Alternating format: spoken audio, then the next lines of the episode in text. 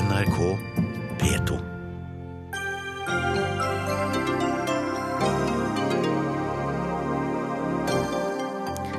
Vi har hevnet profeten Muhammed, skal en av terroristene ha ropt da de skjøt ned og drepte tolv personer i redaksjonen til satiremagasinet Charlie Hebdo i sentrum av Paris i formiddag. Dette er grotesk, sier William Nygaard. Han mener terroristene angrep noe som er hellig og grunnleggende, nemlig det frie ord. Dette er en beksvart dag for ytringsfriheten i Europa, kanskje den svarteste dagen etter andre verdenskrig, sier Vebjørn Selbekk, som selv har fått tosifret antall drapstrusler etter å ha trykket Mohammed-karikaturene i 2006.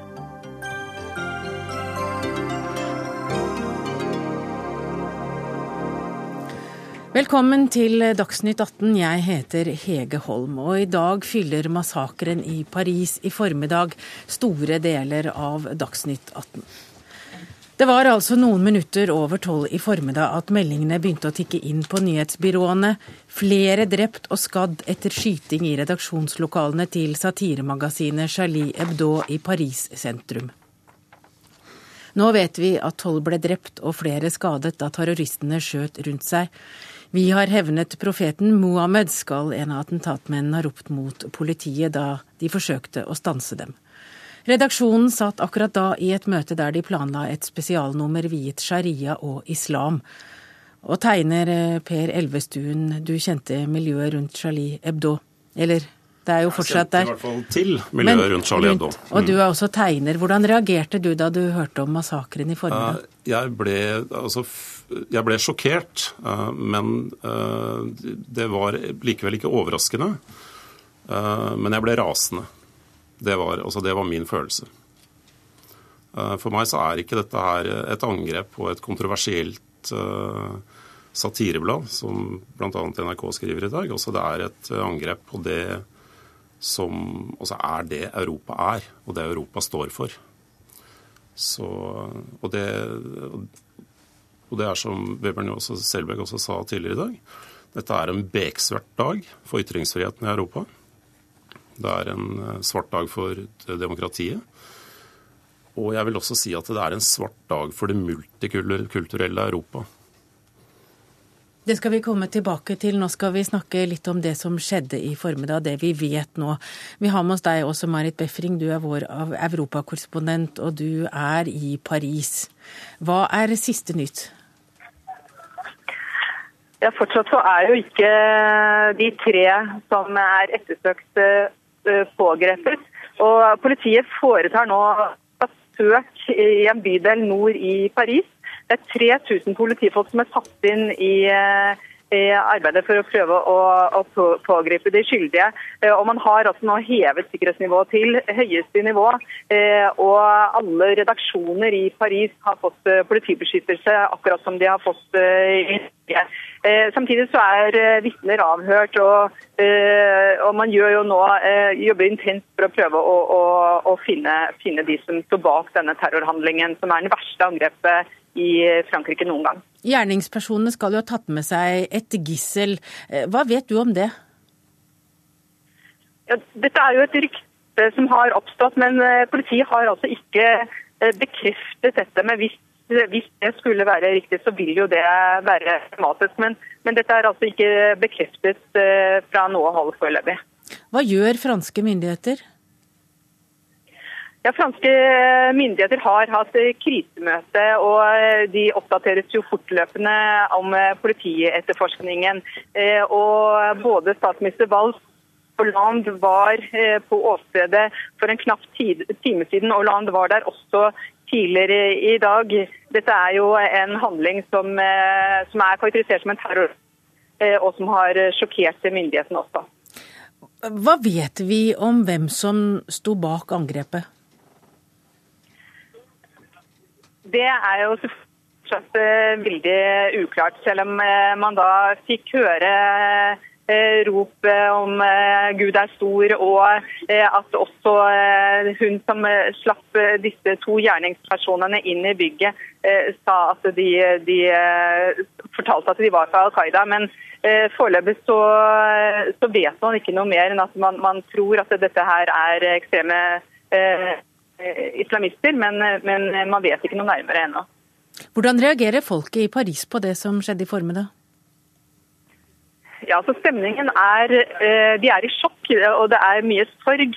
Akkurat nå så er jeg på Place de la République, der flere tusen mennesker har møtt opp. Det er det franske journalistlaget som har arrangert denne spontane og de holder penner i været. De har merker der det står 'Jeg er Charlie', og de, de står i stillhet og markerer avstand til dette angrepet på ytringsfriheten. Takk til deg også, Marit Befring, som følger det som skjer i Paris utover kvelden her i NRK. Kulturkommentator også i NRK, Agnes Moxnes. Hva slags blad er, eller magasin er Charlie Hebdo? Det er selve merkevaren på et skarpt eh, politisk, eh, satirisk eh, magasin. Har eksistert som Charlie Hebdo siden begynnelsen av 90-tallet. For en del av oss så la vi vel først merke til det på ordentlig da de i 2006 var raskt ute og trykket Mohammed-karikaturene til Jyllandsposten i en slags solidaritetshandling. Eh, og etter det så har de også fortsatt å, å bruke ganske mye tid på eh, altså De har alltid vært religionskritiske, men brukt mye tid på islam. Eh, også i tiden etterpå. Og, og, som du sa, i dag så satt de jo da og planla et eget islamnummer som skulle hete Sharia Ebdo, som skulle komme ut nå. Og de var jo ikke akkurat ukjent eh, med trusler, for de har jo opplevd en del før. De har jo til og med måttet flytte. Ja, I 2011 så presenterte de profeten med en tegning på forsiden som eh, bladets gjesteredaktør. Dagen etterpå så ble det kastet en brannbombe inn i lokalene. Eh, etter det måtte de flytte, og har hatt delvis politiet Altså politiet passet på dem, men litt til og fra, så vidt jeg skjønner. Og nå vet vi jo at blant eh, de tolv drepte, så er det altså fire av tegnerne og redaktøren. Og sjefsredaktøren. Og sjefsredaktøren. Ja. Mm. Agnes Moxnes, hvilke dilemmaer skaper det som nå har skjedd i Paris for pressen? Mange dilemmaer, og jeg er helt sikker på at en del av dem skal dere, skal dere snakke om nå i Dagsnytt 18 også. Det er jo annet altså Var det feigt å ikke trykke eh, Mohammed-tegningene i 2006? Blant annet også norske aviser, norske redaktører. Eh, skal man publisere dem eh, nå? Har magasiner som Charlie Hebdo fått nok støtte? Eh, både fra eh, journalist- og redaktørhold, og også fra politikere. Den type spørsmål vil jeg tro kommer til å bli diskutert fremover. Og så er det vel også spørsmål om hva frykten gjør med de forskjellige redaktørene rundt omkring? Ja, men det er jo nettopp det. Det går jo inn i den diskusjonen, vil jeg tro.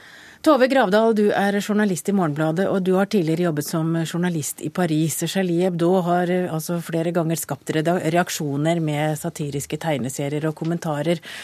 Og den siste Twitter-meldingen som skal ha kommet en time før attentatmennene kom til redaksjonslokalene, skal ha vært en karikatur av IS-leder Abu Bakr al-Baghdadi. Hvor kontroversielt er magasinet? Det er jo kontroversielt i, i Frankrike og har vært det. og det har jo vært en, eh, en, levende debatt rundt deres redaksjonelle linje nå i flere år. Og det er lett å si nå Nå, nå slutter jo alle rekkene. ikke sant? Nå, hele den politiske ledelsen eh, stiller seg nå bak eh, ytringsfriheten 100 og, og fordømmer dette angrepet totalt. Men de har jo ikke stilt opp entydig for Charlie Hebdo i kampens hete i de årene som har gått. For to og et halvt år siden, i september 2012 f.eks., da de publiserte en serie med Mohammed-karikaturer. Da eh, ble det møtt med nokså hard kritikk fra utenriksminister Laurent Fabius bl.a. Tilbake i 2006 var president Jacques Chirac var, eh, var eh, negativ til at de publiserte Mohammed-karikaturene, og i tillegg, sine, i tillegg, til å publisere Jyllandsposten, så, så, laget de sine egne karikaturer. Så det har vært mye debatt i Frankrike om denne redaksjonelle linjen har vært riktig. Og, og de har jo blitt anmeldt. De igjen og igjen og igjen, bl.a. av den store moskeen, La Grande Moské i Paris, som er liksom den ledende uh, muslimske samfunnet i Frankrike, og som i dag selvfølgelig har fordømt angrepene veldig sterkt. Men uh, opp gjennom årene så har jo definitivt ikke dette, den avisen fått uh, full støtte blant politiske ledere. Men, men hvem er det som vil angripe et blad på denne måten som vi har sett i dag? Det er jo de samme som har truet uh, norske publikasjoner, som har publisert, uh, publisert Muhammed-karikaturer. Og i Frankrike fins det jo sterke, sterke islamistiske, jihadistiske krefter, og vi så jo det for, og det, om de er, om de er uh, alenegjengere eller om det er organisert, er det jo altfor tidlig å si noe om nå. Vi så jo i 2012, i april 2012 at syv mennesker ble drept av en tydeligvis overbevist islamist i Toulouse i noen forferdelige angrep der, bl.a. mot en jødisk skole. Så, så Frankrike har jo ikke vært ukjent med disse truslene fra både fra, fra krefter utenfra, og, det går langt tilbake igjen i historien, eh, tilbake til eh, Algerie tidlig på 90-tallet, men også fra krefter internt i landet. Vi skal snakke litt mer om det, men eh, først til deg, Per Elvestuen. Hva slags folk er det som jobber i et blad som Charlie Hebdo, som møter så mye motstand og allikevel fortsetter? Nei, altså De er vel sånne som meg og deg, men altså de er gode til å tegne.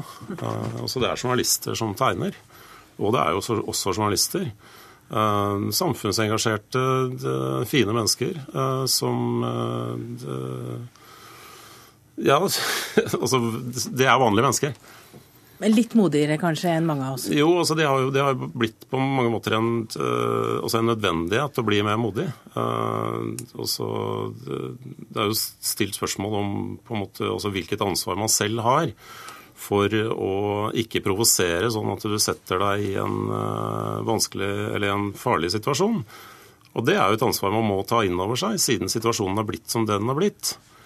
Eh, og så kan du si at eh, det er myndighetenes ansvar å sørge for borgernes sikkerhet. Og det tviler jeg ikke på at franske myndigheter har vært kanskje av de bedre til å gjøre. Men samtidig så, strekker det altså ikke til. Det er ikke noe tvil om at, eh, at de har vært ekstra modige. Sharb, det er en av de ledende, ledende, tegnerne som er drept i dag, han har jo visst at livet hans har vært utrygt. Og han har sagt at 'jeg har ingen partner, jeg har ikke barn, jeg har ikke bil, jeg har ikke banklån', men jeg vil stå i stedet, i stedet for å bøye meg for eh, noen ytre krefter. Oh. Cecilie Hellestveit, du er seniorrådgiver ved International Law and Policy Institute, ILPI. Hvem kan ha gjort dette? Nei, Vi vet at de snakker fransk, men det betyr egentlig ikke så mye i denne sammenhengen her. Eh, de kan være franske, fordi Charlie Hebdo har vært veldig betingelsesløse i den kampen som har blitt ført mellom ytringsfrihet eh, og den på en måte muslimske kulturens grenser for ytringsfrihet, eh, særlig i Frankrike. Det er jo slik som, som Agnes Moxnes sier, at de ble angrepet i 2011 for en karikatur de hadde publisert, og så svarte de da med å gi ut året etterpå 64 sider med en tegnet biografi over profeten Mohammed. Altså Han brettet ut over 64 sider for å svare på å si at vi lar oss ikke skremme. Vi er på en måte spydspissen i det vi definerer som Frankrikes ytringsfrihet og Europas ytringsfrihet, for vi har på en måte en annen form for grense her overfor religion. Og Charlie Hebdo har jo også på en måte drevet eh, den samme type eh, kampanje overfor den katolske kirke og for så vidt også jødiske miljø, men det er særlig i den striden mot eh, muslimske grupper, i Frankrike særlig. Så det er klart det er mange i Frankrike som eh, er sinte på Charlie Hebdo i muslimske kretser. Men så er det jo også den internasjonale dimensjonen her. Al Qaida eh, har man forventet skulle komme med et spektakulært angrep eh, nå en stund, fordi de har kommet veldig i skyggen av IS i Midtøsten, i Syria og Irak. Eh, så det er på en måte én mulig eh, skyldig å se mot. Og så har du selvfølgelig IS. IS har veldig mange franskmenn i sine rekker, og enda flere nordafrikanere som jo også snakker fransk.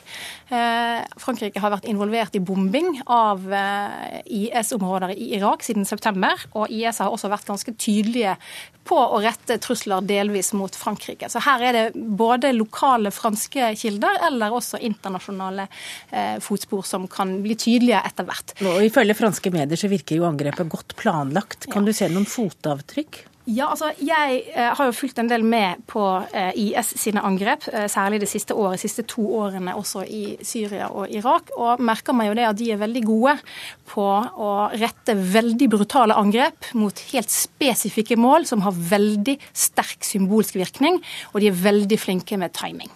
Eh, og det Angrepet mot Charlie Hebdo som kom i dag, det sammenfalt med på samme dag som en av de fremste forfatterne i Frankrike, eh, Michel Olbeck, publiserer sin eh, roman som heter 'Soumission', altså undertrykt, undertrykkelse, underkastelse, eh, som også er et sånn synonym som man bruker i islam. Der ligger det en del symbolikk ute og går. Og så er det også slik at I europeiske land, særlig i Tyskland, i andre europeiske land, så har julen og dagene etter nyttår vært preget av antimuslimske demonstrasjoner, som har også på en måte fått med seg seg mer moderate krefter i en del land. Det er ikke bare ytterliggående høyre, men flere bredere lag av folket i mange europeiske land som på en måte stiller spørsmålstegn ved vår, vårt forhold til den muslimske kulturen. Og hvor mange innvandrere skal vi ha fra muslimske land osv. Dette angrepet her går rett inn i den diskusjonen. ikke sant? Fordi den, den angriper en, på en måte spydspissen som er liksom frontsoldatene i den kampen. Og det vil si at måten det blir oppfattet på i veldig mange eh, sirkler og kretser i Europa, vil være helt annerledes enn et angrep mot eh, metroen i Paris i rushtiden. ikke sant? Som vil være en mer sånn 'nå kommer krigen til Europa'. Dette her er en mye mer ømfintlig, ømtålig tema eh, for europeerne akkurat i disse dager. Men, men hvorfor en redaksjon Nei, altså det er jo symbolikken i det. Og jeg tror nok det med å, å gå etter redaktøren, Charbonnier, som jo er en veldig markant figur, som, som, som jo er veldig betingelsesløs, eh, og hans på en måte fotsoldater, om du vil, som er tegnerne hans, eh, som han også på en måte bruker ofte i sånn retorikk som han har brukt i fransk offentlighet, det, nok, det, nok, det ligger nok noe der. Men, det, men det, kommer litt an på hvem det er som står bak. Fordi det er klart, hvis det er franske krefter som står bak, så vil det ha mer med den franske konteksten å gjøre. Hvis det er Al Qaida Al-Qaida eller IS, så, så, vil på en måte kanskje rasjonalet for å angripe akkurat Charlie Hebdo være litt annerledes. Vi vet altså fortsatt ingenting om hvem som står bak. Det er noen historier som verserer, men vi vet ingenting. Bare så ha sagt det. Takk for at dere kom. Vi skal eh, bytte panel her. Eh, Tove Gravdal, Agnes Moxnes, Cecilie Hellestveit og Per Elvestuen. Eh, dere kommer ut, og så kan noen av dere komme inn etterpå. For nå kommer nemlig to andre inn her. Og det er blant bl.a. deg, statsråd ved statsministerens kontor, eh, Vidar Helgesen. En hel verden fordømmer jo disse angrepene. Vi har hørt Tysklands forbundskansler Angela Merkel si at angrepet er et angrep på samfunnets kjerneverdier. Putin sender sine kondolanser fra Frankrike. Natos generalsekretær Jens Stoltenberg kaller angrepet et angrep på pressefriheten. Og også Det hvite hus fordømmer angrepet, der altså minst tolv mennesker er drept. Hvordan reagerer dere i regjeringen? Vi står sammen med det franske folk, og vi står sammen med en hel verden i å fordømme det som er et uh, avskyelig angrep nettopp på samfunnets kjerneverdier. Um, det åpne samfunns fundament er det frie ordet. Det er der uh, det starter. Og dette er et angrep på det frie ord, og derfor et angrep på demokratiet. Og det er viktig at vi nå viser solidaritet, men det er også viktig at vi fremover nå viser at vi tror på og står opp for det frie ordet. Leder i Arbeiderpartiet, Jonas eh, Gahr Støre, jeg har hørt deg tidligere si i dag at, eh, at dette kan skje. Dette viser at ytringsfriheten er truet. Det kan skje i Europa. Eh, hvordan reagerte du når du hørte i dag? Ble du veldig overrasket? Ja, det mener jeg at vi må bli. For det er sjokkerende og uhyrlig å gå inn og drepe mennesker på jobb. Eh, sivile eh, mennesker som bruker og lever av ytringsfriheten, og som blir drept eh, av mennesker som så forsvinner og etterlater seg en slagmark. Det må vi bli sjokkert og opprørt over. Men så må vi ikke være naive, for det er ikke første gang det skjer.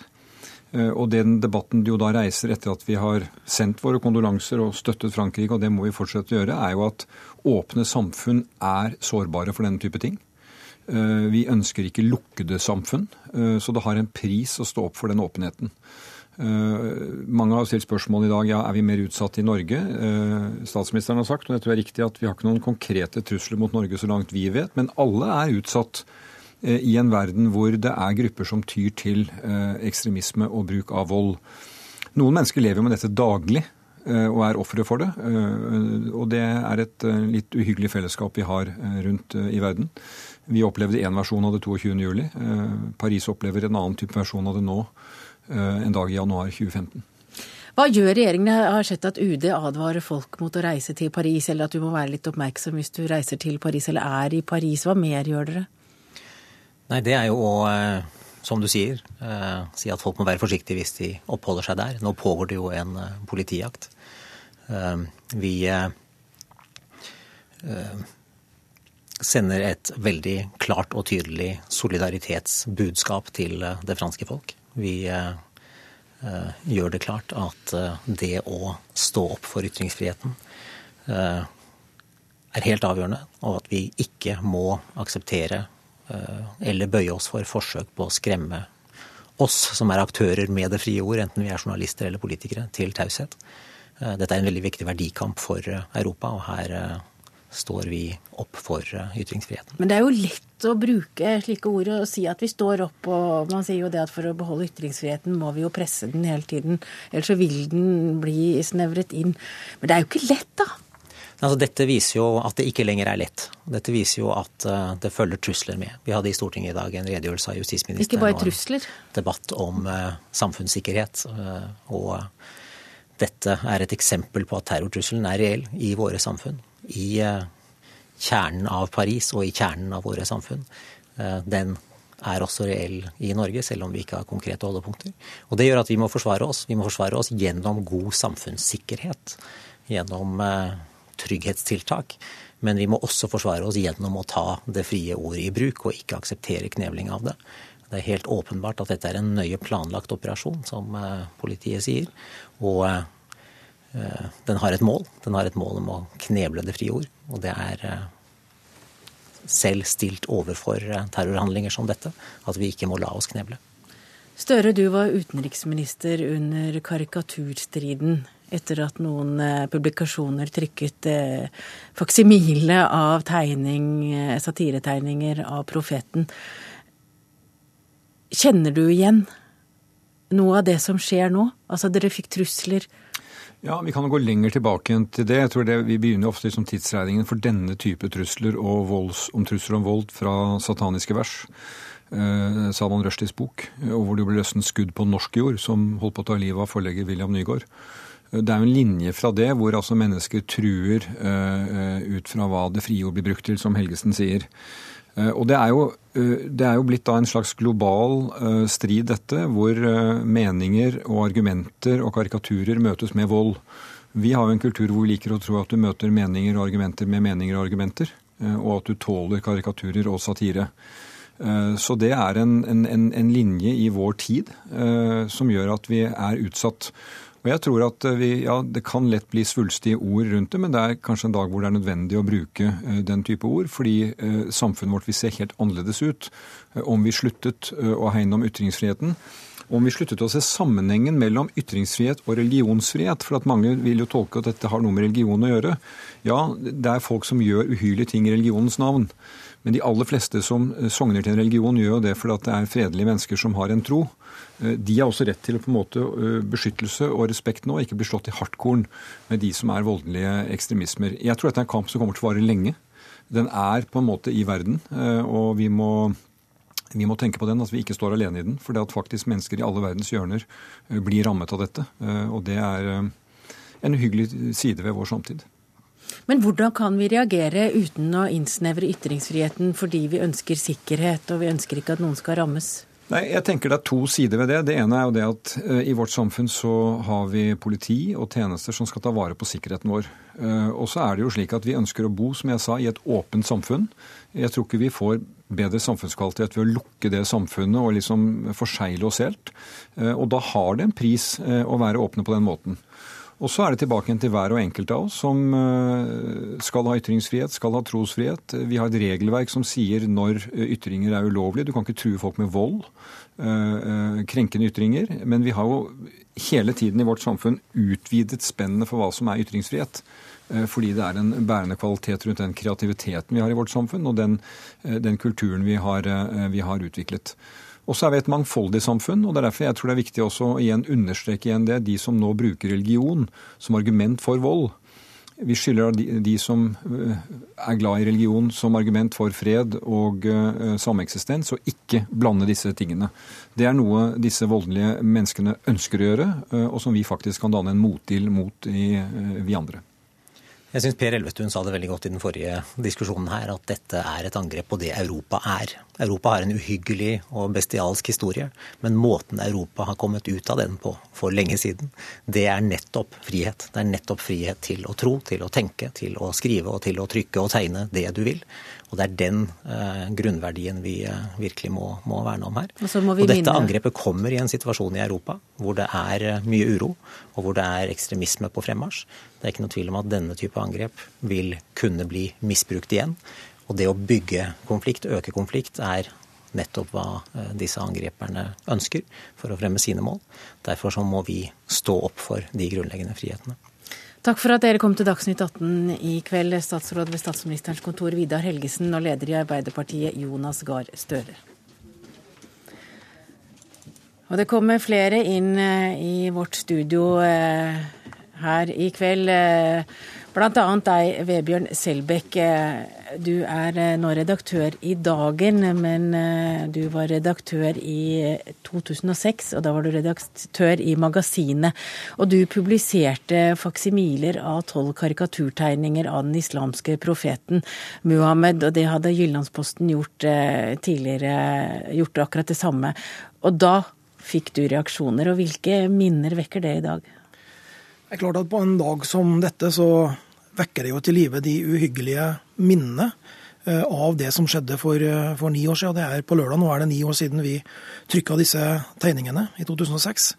Eh, og å se nå at dette ikke, etter alt å dømme, da, ikke bare var tomme trusler, men at det er faktisk noen som har satt disse truslene ut i, i livet i Frankrike, og møter altså karikaturer med vold, det er klart det er en, en, veldig veldig sterk og uhyggelig opplevelse for oss alle. Og spesielt, tror jeg, for oss som har gjort det til et levebrød å benytte oss av ytringsfriheten. Ja, jeg hørte deg si tidligere i dag at du, når du etter 50 så sluttet å telle drapstrusler. Ja, jeg gjorde jo det. Så jeg vet jo ikke helt det nøyaktige antallet. Det begynte jo med en eh, e-post jeg fikk med Det var bare dagen etter at vi hadde trykka en e-post med med to eh, bilder eh, vedlagt. Eh, to bilder av et forbrent lik. Det ene bildet var et nærbilde der du så på en måte dødsøyeblikkets gru i denne personen. Det andre var mer videre vinkel, og det var vedlagt en tekst der det sto at du, Selbekk, må sette deg inn i denne personens sted. Du har håna profeten, og du skal dø. Og Det var jo da starten på, på en rekke slike trusler eh, i senvinteren i 2006. William Nygaard, du er styreleder i Norske Penn, og dere fordømmer i dag det som har skjedd i Paris. Hvordan reagerte du da du hørte om angrepet på Charlie Hebdo? Nei, det, eh, første gangen var det et uvirkelig sjokk. Eh, og det er jo en påminnelse, som det sies, om at både satire, både i skriftlig og visuell forstand, kan ramme. Eh, og Sånn sett kan vi bare si at dette er en grusomhet som eh, vi håpet kanskje hadde fortiet seg eh, med de satiriske tegningene. At den debatten var gjennomgått. Men det er helt opplagt her er det en politisk religiøs agenda, formodentlig, som er gjennomtenkt. Og som vi etter hvert må få vite mer om før vi kan si noe bastant. Men dette er grusomt. Per Arne Kalbakk, du er nyhetsdirektør her på NRK Marienlyst. Mange mediehus skjerper i dag sikkerheten etter terrorangrepet mot eh, det franske magasinet. Eh, hvordan har NRK reagert? Vi har nok reagert på samme måte som alle eh, som jobber med eh, det frie ord, eh, og som journalister, med sjokk og forferdelse. Det er klart at redaksjonen her er også preget av det. Men bortsett fra det så har vi jo jobbet med å, med å dekke saken. Og så er det riktig at også vi, i likhet med de fleste andre store mediehus, har, selv om det ikke foreligger noen konkret trussel mot oss, så har vi valgt å skjerpe sikkerheten litt med adgangskontroll og lignende.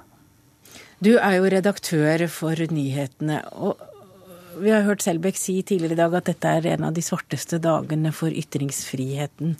Hvordan kjenner du det som redaktør? Du bestemmer hva vi trykker, du bestemmer hva vi ikke trykker eller viser fram på TV. Hmm. Det er jo den reaksjonen som flere viser til her. Eh, altså vissheten om at det å bruke det frie ord, enten er i form av karikaturer, eh, tekst, ytringer, at man da blir møtt med terrorangrep, med brutale drap på ubevæpnede personer som ikke har gjort noe annet eh, enn å gå på jobb for å lage i dette tilfellet et satiremagasin. Det er det er, det er, klart at eh, det er på ingen måte oss det er synd på i dag, men jeg tror at alle som jobber som journalister også kjenner litt på den, eh, den eh, redselen og usikkerheten en sånn ting skaper. Og det er jo fryktelig synd, for det er jo en av de tingene som disse terroristene ønsker å oppnå aller mest. Å skape frykt og usikkerhet hos alle. Du er også redaktør Selbekk nå i den kristne avisa Dagen. Hvilke tanker gjør du deg som redaktør? Det er klart Når vi opplever det som vi har gjort i dag, altså at uh, en sjefredaktør, flere tegnere, pressefolk, ligger igjen i en blodpøl inne i et redaksjonslokale i hjertet av Europa, uh, da tror jeg det blir et før og et etter. I hvert fall i pressen. Det er klart Sikkerhetsaspektet som Kalbakk nevner, er én ting. Men den debatten som nå kommer også etterpå, hvordan vi møter dette alvorlige volds- og terroranslaget mot ytringsfriheten, ja, mot eh, det europeiske demokratiet, det blir jo en veldig veldig viktig sak. og Der tror jeg pressen har en veldig stor rolle. Vi skal huske det at eh, uten en fri presse, så har vi ikke et fullverdig demokrati. Og Derfor er det angrepet i dag et angrep eh, i hjertet av det europeiske demokratiet. Og jeg er helt enig med det som er blitt sagt tidligere i, eh, i sendinga også, at dette var helt bevisst gjort. Det var et symbol. Ramme det europeiske demokratiet, de europeiske demokratiene, midt i hjertet. Det som særpreger våre frie samfunn. At vi har rett til å si, tegne, trykke eh, og tro det vi mener og det vi ønsker. Ja, Per Elvestuen, du er igjen med oss. Hvordan tror du at eh, avistegnere og satirikere vil legge bånd på seg, eller tror du de vil drive selvsensur etter dette? Jeg tror at uh, avistegnere og redaktører har drevet selvsensur i mange år. Uh, spesielt uh, altså 2006, altså karikaturstriden i to, to, 2006, var et slag mot altså spesielt mot eh, den eh, kall det den stolte avistegnertradisjonen som vi hadde i, bl.a. i Norge. Eh, og som førte til frykt og begrensning, at, at man la begrensninger på seg selv. Og så som en kommentar til det Vebjørn Selbekk sier, som, som, redaktør, at du må forholde deg til og ta hensyn til at eh, du som redaktør også får eh, også må tenke mer gjennom sikkerheten. Det er jo et faktum. Og det har vært et faktum i mange år at det som redaktør i dag, som i likhet med mange andre yrker og mange andre lederposisjoner, så må du ta et større ta sikkerhetselementet mye, mye større med i altså alle vurderingene du gjør. Eh, for jeg tror det er en eh, også, Jeg tror det de har gjort i Charlie Hebdo, de har tatt en risiko. Den har vært kalkulert. Og den fikk jo da et Det som skjedde, var jo Det er, det er tragisk. Og jeg kjenner fortsatt på raseriet, som jeg sa i stad. Eh, men sånn har det blitt. Jeg hørte jo Kurt Westergård eh, i dag. Han eh, tegne, var tegner i Jyllandsposten og var en av de som eh, tegnet karikaturen av profeten Mohammed. Han fortalte om sitt samliv med PET, altså sikkerhetstjenesten i Danmark. Han har levd med dem siden 2000, sammen med dem siden 2005. Altså, jeg tror at det er ett forhold som er kolossalt viktig i en situasjon hvor krisen preger oss alle og eh, frykten fort kan overmanne. Og det er at eh, vi nettopp i en situasjon som dette bevisstgjør oss på hvilken rolle pressen har. For er det noen gang pressen skal ha en rolle, nettopp det å forsvare demokratiske verdier, så er det nå. Selvsensuren er en pest. Selvsensuren må, for, må forfølges, og den må forbannes. Og eh, innsatsen solidarisk, nær sagt worldwide, er jo nettopp dette som kan nå forsvare vestlige verdier. Og Jeg snakker ikke nå om det militante, jeg snakker ikke om det eh, aggressive. Jeg snakker om kunnskap, og jeg snakker om prosess, og jeg snakker om klokskap. Men at dette den blir viktig. Å bevisstgjøre oss på rollen. Bevisstgjøre journalistene på det ansvar de står i som journalister, nettopp i krisestunder. Det da rollen virkelig settes på sisten, og at man får den forståelsen opp å stå, er en garanti for demokratiet. Det tror jeg er kolossalt viktig å understreke i en sånn situasjon. Ja, jeg er veldig, veldig enig i det. Og, og å være journalist er et stolt yrke. Det handler også, og det har vi sett i, i dag, dette, dette angrepet, det handler ikke bare om jag etter klikk og kjendissak og sånn. Alt det der er greit, og vi skal ha med det i, i våre publikasjoner. Men i bunn og grunn så er det et forsvar for helt sentrale verdier. Og det tror jeg er kjempeviktig, som, som Nygaard sier. Det må, må vi få den oppvoksende generasjonen til å forstå, unge journalister, at det er et edelt yrke å være journalist og være en bruker og en forsvarer av det frie ord. Hva skal vi bruke det til?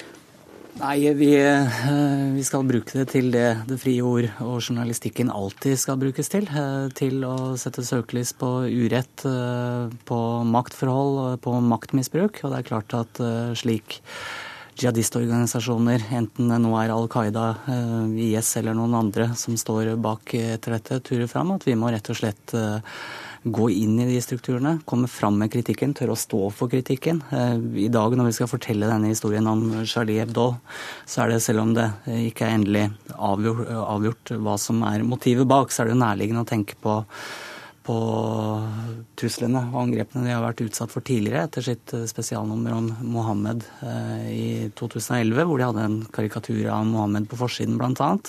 Og som en del av dekningen å forklare vårt publikum hvorfor det er angrepet, så vil det også være en del av vår dekning i dag å vise bilde av den aktuelle forsiden. Men, men, dere jo, dere snakker jo om Paris og dette, men, men du har jo sagt før i dag Selbekk, at dette kunne jo også skje her? Ja, det har jo skjedd eh, lignende ting i Skandinavia. Det, heldigvis så ble jo attentatplanene avverga, men eh, Kurt Westergård, som programlederen nevnte, han hadde jo en øksedesperado innpå stua si eh, for eh, fem år siden. Eh, og Jyllandsposten i Danmark har jo vært utsatt for flere terrorplaner, så det er jo ikke noe eh, science fiction i Skandinavia heller, dette her. Selv om vi må legge til grunn at vi lever kanskje i en litt eh, eh mer eh, beskytta ytterkant av eh, Europa, så, så må vi alle være obs på de terrortruslene som, som, finnes. Og heldigvis, så, som Ap-leder Gahr Støre sa tidligere i sendinga, vi har gode tjenester som jobber med dette, og dem har jeg i hvert fall tillit til. Hva skal vi bruke ytringsfriheten vår til, William Nygaard? Hvilke historier skal vi fortelle? Altså, Ytringsfriheten er jo selve garantien for at vi har livskvalitet. Fordi det som truer vår livskvalitet, skal avdekkes ved journalistisk aktivitet og ved ytringsfrihet. Ved ytring som er kritisk, som åpner og som er søkende. Eh, og det er livskvalitet som jo er grunnlaget, og den er individuell. Den gjelder hver og en av oss. Den begynner med hver og en av oss og slutter med et fellesskap som vi kaller demokratiet. Og det er den, dette bidraget som ytringsfriheten skal gi oss, nemlig livskvalitet. Hva skal vi gjøre når eh, frykten kommer krypende? Eh, som jeg sa, bevisstgjøring, nettopp bevisstgjøring om den rollen som dette yrket journalist har som skal forvalte ytringsfriheten. Kunnskapen om hvordan vi skal møte avsender av slik vold. Og i prosess og uten å rokke ved prinsippene og pragmatikken eh, eh, benytte oss av det som er nødvendig for å formidle forståelse for hvem vi er, og at dette er kjerneverdier som for oss er hellige. Nå sitter alle og nikker rundt bordet. Vi lar det bli siste ord eh, om tragedien i Paris i denne sendinga. Takk til Per Arne Kalbakk, William Nygaard, Vebjørn Selbekk og Per Elvestuen. Og vi har altså nå snakket om tragedien i Paris, der tolv mennesker ble drept og mange ble skadet etter et, eh, en massakre utført av eh, tre menn som etterpå forsvant i bil, og som ennå ikke er tatt i Paris sentrum.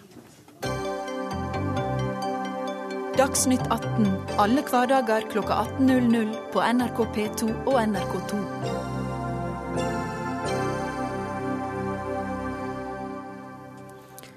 Halvparten av alle norske sykehus er for små og bør ikke fortsette med akuttkirurgi.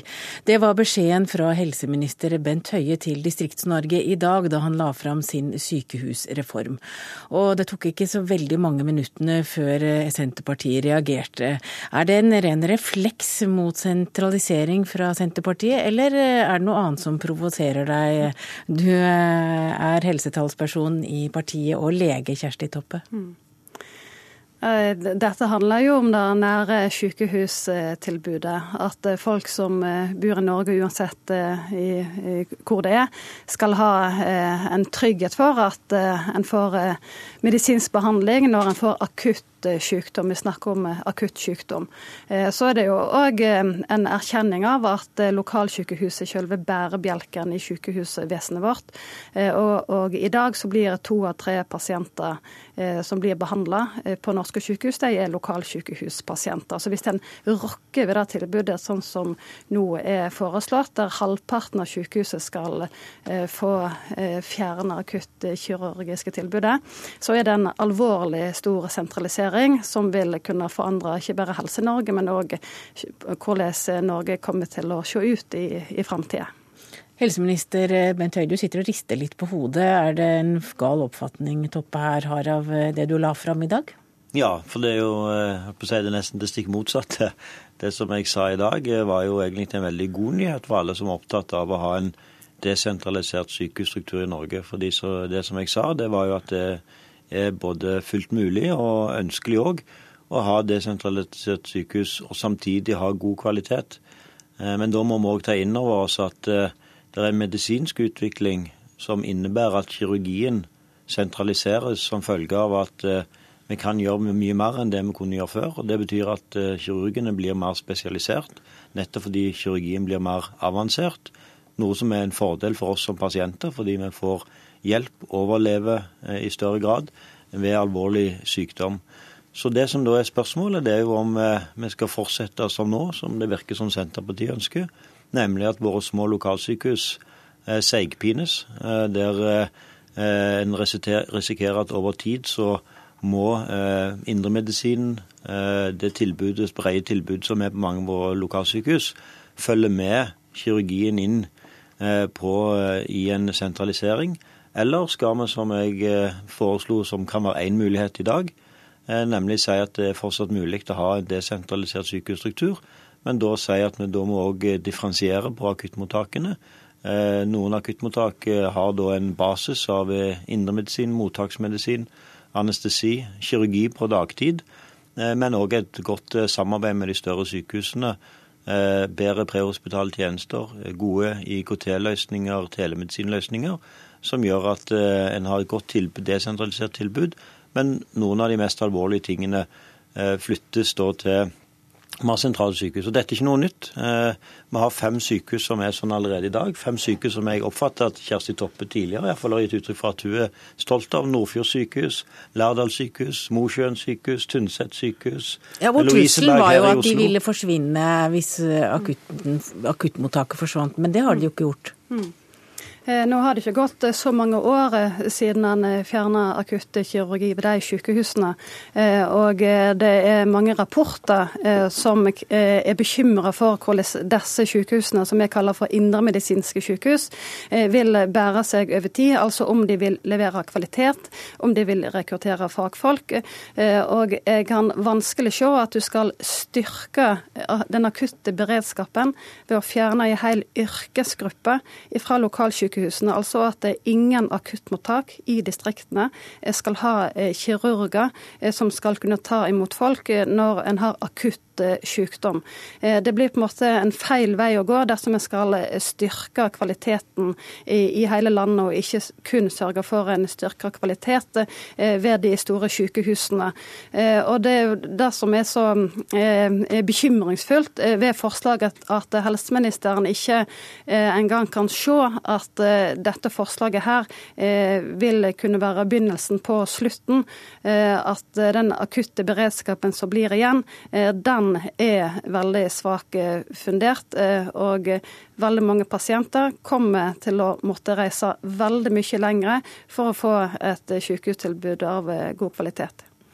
Det som forundrer meg, det er jo at Kjersti Toppe, som kjenner Sykehus-Norge veldig godt, ikke ser at og erkjenner at, at vi har en utfordring med dagens situasjon.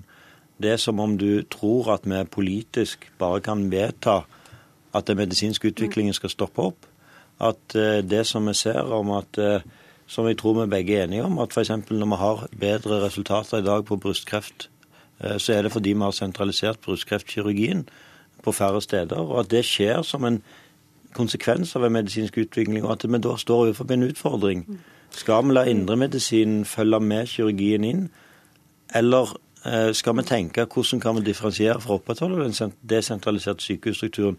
Du snakker som om det gikk an å fryse Norge Nei. i 1990 og si at sånn blir det for evig tid. Nei, men uh, du snakker som om det var en naturlov Eh, at, eh, akutt, at akuttkirurgi blir sentralisert. Det er faktisk eh, ikke Det er en veldig overforenkling. og det provoserer Nei, og det, Kirurgien blir sentralisert, men det er ingen det, En skal passe seg for å gjøre det til en kun faglig vurdering og noe som skjer, uansett politisk vilje. For, men, det, men dette er kjernen, programleder. fordi at Hvis Kjersti Toppe erkjenner at den planlagte kirurgien blir sentralisert, så Nei, tror jeg òg at Kjersti Toppe ser at det, det er de samme menneskene. Og de kirurgene som skal være til, til, til stede på akuttmottaket 24 i døgnet, det er de samme som mm. opererer planlagt på dagtid. Mm. Og det er de samme kirurgene som òg vil ha behov for å ha et visst antall akuttpasienter for å opprettholde mm. kvaliteten Men Er problemet at det er for få mennesker som sogner til de små sykehusene, slik at uh, kirurgen ikke får nok praksis? Er det ja, det du sier? Det, det som er, Hvis du skal opprettholde de, de ulike ekspertgruppene som vi har hatt i arbeid med Nasjonal helse- og sykehusplan, eh, og bare for å være veldig tydelig på det, jeg har ikke konkludert ennå. Jeg har bare sagt at denne diskusjonen må vi ta nå, og så skal jeg konkludere og legge min konklusjon fram for Stortinget. Men de har pekt på at for å opprettholde kvaliteten og grunnlaget for en god kirurgi, så bør et sykehus ha et eh, pasientgrunnlag på mellom 60 000 og 80 000. Da er det en kommer fram til at halvparten av norske sykehus har ikke det i dag. Men vi mener òg at det er fullt ut mulig å opprettholde god kvalitet på lokalsykehus med et grunnlag, pasientgrunnlag på opptil 20 000-30 000 innbyggere. Men, men, men, men, men da må vi òg være villige til å si at de akuttmottakene som er der, de har en annen eh, eh, sammensetning enn på de større sykehusene. Og Det er jo også realiteten i dag. En, er du utsatt for en tra stor trafikkulykke, får en traume i dag, så kjører ambulansen eller luftambulansen deg forbi det lille lokalsykehuset, selv om det har eh, akuttkirurgi, til det større sykehuset, rett og slett fordi det lille sykehuset ikke har den tverrfaglige kompetansen. Men vi vet jo det at hvis man vil bli kvitt noe, så er det jo bare å slanke det så til det blir så Nei, magert at det, det dør av seg selv. Det er nettopp det som er utfordringen i dag. I dag skjer denne stille seigpiningen av de små sykehusene. Og det som jeg sier, er at vi har et alternativ. Det å være bevisst på at vi har noen sykehus som har en annen type akuttmottak, men som fortsatt har akuttmottak, som fortsatt har kirurgi på dagtid, som anestesi, mottaksmedisin. Men nå er deres tid over, Kjersti Toppe. Er det sant at eh, mange små sykehus seigpines eh, til døde i dag? Det, har, det, som er positivt med debatten, det er at vi får en politisk debatt om dette. her, for Før har jo foretakene gjort det, som nettopp nå Høie ønsker å gjøre enda mer ut av. Men det at vi skal få akuttmottak kun med medisinsk akuttberedskap, det er ikke en fullverdig beredskap. Det vil være mange sykdommer som da får lang, som må behandles på et annet sykehus. Og det som òg er en kjensgjerning, det er at Legeforeningen de advarer mot en sånn type måte å organisere akuttmottak på. De mener det ikke medisinsk forsvarlig. Så det er klart at Dette er jo bare begynnelsen på et tilbud der de ikke vil ha Altså Du vil ha sykehus i Distrikts-Norge som ikke vil kunne tilby behandling for akutte sykdommer. Og Da er spørsmålet om det virkelig er et sykehus igjen, og det mener jeg at det ikke er. Men her snakker dere om framtid begge to, og Høie sier dette er bare tanker han sender ut. Han har ennå ikke konkludert, så takk for at dere kom til Dagsnytt 18, Bent Høie, helseminister, og Kjersti Toppe, helsepolitisk talsperson for Senterpartiet.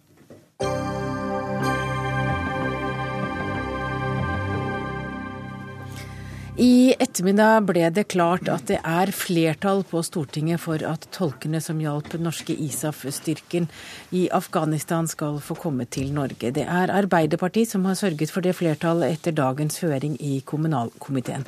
Og Eirik Sivertsen, du er medlem av komiteen og Arbeiderpartiet, og du var på høringen. Hva var det veteranene sa i dag som gjorde at eh, dere bestemte dere for å si ja? Ja, det var ikke bare det veteranene sa i dag som avgjorde at vi landa på det standpunktet vi gjorde. Men noe av det de fortalte eh, som jeg har lyst til å trekke frem, handler jo bl.a. om det fellesskapet og solidariteten som de norske veteranene viser med sine afghanske eh, kollegaer, og hvor engasjert de er i den situasjonen som disse kamptolkene som er igjen i Afghanistan, faktisk står oppe i. Arbeiderpartiet fikk jo tilbud om å være med på et slikt forslag fra resten av opposisjonen før jul, men da takket dere nei. Hvorfor snudde dere, eller hvorfor bestemte dere dere i dag? Ja, Vi takka nei eh, av to grunner før jul. Det ene var litt sånn tidsmessig. Vi har vært opptatt av at denne saken skal gå fort gjennom Stortinget. og Arbeiderpartiet er et ganske stort parti, så vi har noen prosedyrer og måter og prosesser som vi drar gjennom før vi, før vi bestemmer oss. Men det viktigste... Dere satser på demokrati, liksom? Ja, vi praktiserer faktisk demokrati internt i Arbeiderpartiet. Det tar litt tid eh, av og til. Eh, men det viktigste var jo knytta til at det forslaget sånn som det lå på bordet, ikke var godt nok. Fordi at det ikke tok hensyn til behovet for en individuell vurdering av den enkeltes situasjon. For det vi har bestemt i gruppa i, i dag, er jo knytta til at vi støtter dette forslaget under forutsetning av at uh, man legger til rette for en individuell vurdering av den enkeltes uh, situasjon. Det skal være en lav terskel. Eventuelle avslag skal være begrunna helt, uh, helt, særskilt. men det må være mulighet til å sile ut eventuelle personer som vi ikke ønsker at skal få opphold i Norge. Ja, Hvilke personer? Hva, hva tenker du på da? Ja, altså, det er veldig vanskelig å eksplifisere, og vi tror jo ikke at det er tilfellet. Men det kan jo være opplysninger som ikke var kjent på det tidspunktet de ble engasjert som kamptolker på, på vegne av Norge. Det kan være ting i livssituasjonen sin og valg de har gjort i ettertid som ikke er forenlig med å få, få, opphold i Norge, eller andre ting. Men der ligger en sikkerhetsmekanisme. Vi mener ikke at det er det viktigste, fordi vi mener at vi må sørge for sikkerheten til disse tolkene nå, og at det haster. Derfor har vi sagt at terskelen skal være lav, men det må være mulighet for å avslå uh, opphold i, i Norge begrunnet med hens, andre hensyn. Det vil vi fremme et forslag om, og i forutsetning av at vi får flertall for det, så vil vi støtte det forslaget som ligger her. Helge André Njåstad, du er leder i kommunalkomiteen for Frp, og du fikk i likhet med de andre høre om en forverret situasjon for tolkene som, som har jobbet for Norge. Hva gjorde mest inntrykk på deg under høringen? Nei, det er jo likhet med, med, Erik Sivertsen, så er det klart at det gir inntrykk på, på oss å høre de historiene direkte. Vi, vi har jo hørt de tidligere òg, og har vært et stort engasjement i denne saken. og Mange i Fremskrittspartiet er opptatt av eh, kamptolkene sin, sin situasjon. og Vi har mange veteraner i vårt parti som har pressa veldig på i denne saken. og det var grunnen til at vi òg behandla dette på vårt gruppemøte i dag. og Fremskrittspartiet er på lik linje med de andre partiene her innstilt på å finne en løsning for kamptolkene. Eh, og vi er òg opptatt av at det skal være individuelle løsninger som ligger til grunn. Så dere støtter eh, forslaget til Arbeiderpartiet? Ja, Vi kommer til å bli enige med Arbeiderpartiet og de andre partiene på at vi sikrer individuelle løsninger for hver enkelt eh, person, eh, og at vi på den måten finner en god løsning for kamptolkene, som har eh, stilt opp for Norge i strid, og som har gjort et viktig bidrag. Så er det, er det bra for oss at vi kan være med og bidra til å finne en løsning. Arve Aasbakke, du er talsperson for veteranene i foreningen SIOPS. En gledens dag? Eh, en gledens dag. En liten seier er det jo, men, men det er jo ingen gledens dag for noen før, før vi har disse mennene på, på, Gardermoen. Eh, men det er et stykke på vei. Det, det er det. Så, så, vi er glad så langt. Dere har insistert på at tolkene i likhet med norske soldater og befal er veteraner. Eh, betyr det at de også deltok i kamphandlinger? Det betyr jo at de har vært i fremste linje og hatt stridskontakt, som vi, som vi sier. ja. Det gjør det. Er det det dere fortalte om i dag som eh, kanskje overrasket? Blant annet. Om det var det som overrasket, det vet jeg ikke. Men det er en kjent sak at, eh, at det har vært eh, tolker som har hatt strids, stridskontakt, og som har vært i fremste linje.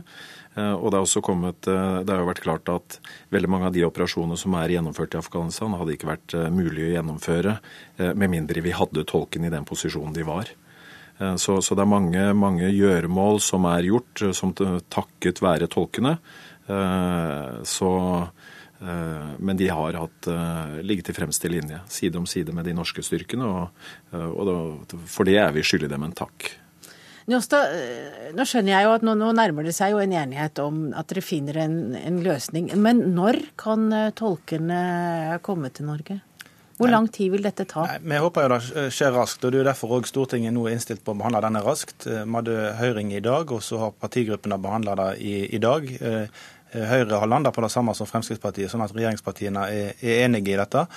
Og Så skal vi avgi innstilling den 10. februar og behandle det i Stortinget deretter. Og Så blir det opp til forvaltningen, da, UDI og de formelle kanalene, å ta, ta de vurderingene og gjøre de enkeltvedtakene som de skal gjøre individuelt. Eh, og så ønsker vi at det skal skje så fort som mulig, fordi situasjonen er kritisk. Eh, det er et beskyttelsesbehov. Eh, og i tillegg til beskyttelsesbehovet til hver enkelt, så er det en tilleggsdimensjon som er viktig for oss i Fremskrittspartiet, nemlig at disse tolkene sitter på viktig informasjon om hvordan norske styrker opererer og jobber. Og den informasjonen er viktig for Norges sikkerhet. At, at, at de kommer hjem, og at de ikke at den ikke havner på avveie, rett og slett. Så det er òg viktig for nasjonal sikkerhet at, at vi finner denne løsningen her. Jeg har lyst til å legge til at For Arbeiderpartiet så har vi et eh, tredje punkt som, som, vi er opptatt av. og Det handler om at vi også må lage noen retningslinjer for fremtidige operasjoner, sånn at vi kan unngå å havne i denne situasjonen eh, en gang til. Så er Det jo, det som er bemerkelsesverdig her, er at jeg er veldig glad for at eh, Fremskrittspartiet, og da tydeligvis også Høyre, har eh, signaliserer at de nå vil støtte Arbeiderpartiet sitt forslag og er enig i de vurderingene vi gjør. Men det som er ganske oppsiktsvekkende, det er at denne saken faktisk må til Stortinget for at vi skal eh, fikse den. Dette kunne regjeringa ha gjort. Det er også symptomatisk at det er da regjeringspartiene fra Stortinget som, eh, altså eh, representanter for regjeringa fra Stortinget som sitter her og forsvarer her, istedenfor at regjeringa har svart på utfordringene som de fikk fra Veteranforbundet tidligere. Det er jo ikke første gangen dette, dette er problematisert. Og Jeg håper, at regjeringa legger merke til hva som skjer i Stortinget. Det tyder nå på at vi da får enstemmighet rundt de forutsetningene som Arbeiderpartiet legger til grunn. At de starter arbeidet så at dette kan skje raskt, og at vi får ivaretatt sikkerheten til disse tolkene. Ja, nå må, må Sivertsen og Arbeiderpartiet roe seg litt ned i forhold til å lage partipolitisk splid om en sak som man nå er, er enige om. Eh, og så må jeg òg minne om at eh, det er ikke denne regjeringen som har gitt avslagene. Eh, og De opprinnelige avslagene ble faktisk gitt under den forrige regjering.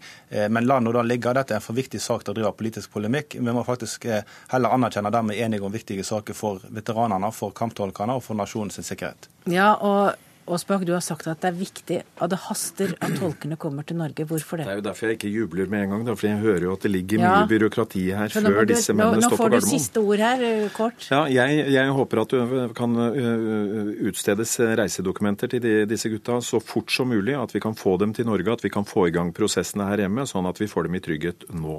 Ja, Hvorfor er det viktig? Har det noe med det, de livs, måten de lever på, eller livssituasjonen? Nei, men, men det er sånn ting fungerer i, i Forsvaret. og det er eh, løs oppdrag å ta vare på, på dine menn. Eh, og, og, sånn er det her også. De er en av oss, og, og, de er ikke noe mindre veteraner enn hva vi er. Eh, og kanskje i noen tilfeller snarere tvert imot. Så de må vi ha hjem fort som Og når som du sier at det haster, hva slags tidsperspektiv har du? Nei, altså Vi er jo på overtid, langt på overtid. Vi håpet jo at Fais-saken skulle brøyte vei for de resterende, men sånn var det ikke. Nå er vi på overtid, og, og, og eh, situasjonen er kritisk for mange av de, så, så vi har ikke noe tid å miste. Vi vil gjerne ha dem eh, denne uka her, om, om så er mulig. Jeg tror Den meldinga har dere klart å sende ut i dag? Det er vi veldig glad for. Takk for at dere kunne komme til Dagsnytt 18. Helge André Njåstad, leder i kommunalkomiteen fra Fremskrittspartiet. Eirik Sivertsen, medlem av kommunalkomiteen for Arbeiderpartiet. Og Arve Aasbakk fra veteranforbundet SIOPS. Denne litt spesielle sendingen fra Dagsnytt 18 er slutt. Ansvarlig for sendingen var Berit Ytrehus. Det tekniske ansvaret hadde Janne, Mari Janne Myrhol. Jeg heter Hege Holm. Og vi minner om at Aktuelt på NRK2 i kveld begynner sendingen klokka 20.15. Takk for i dag.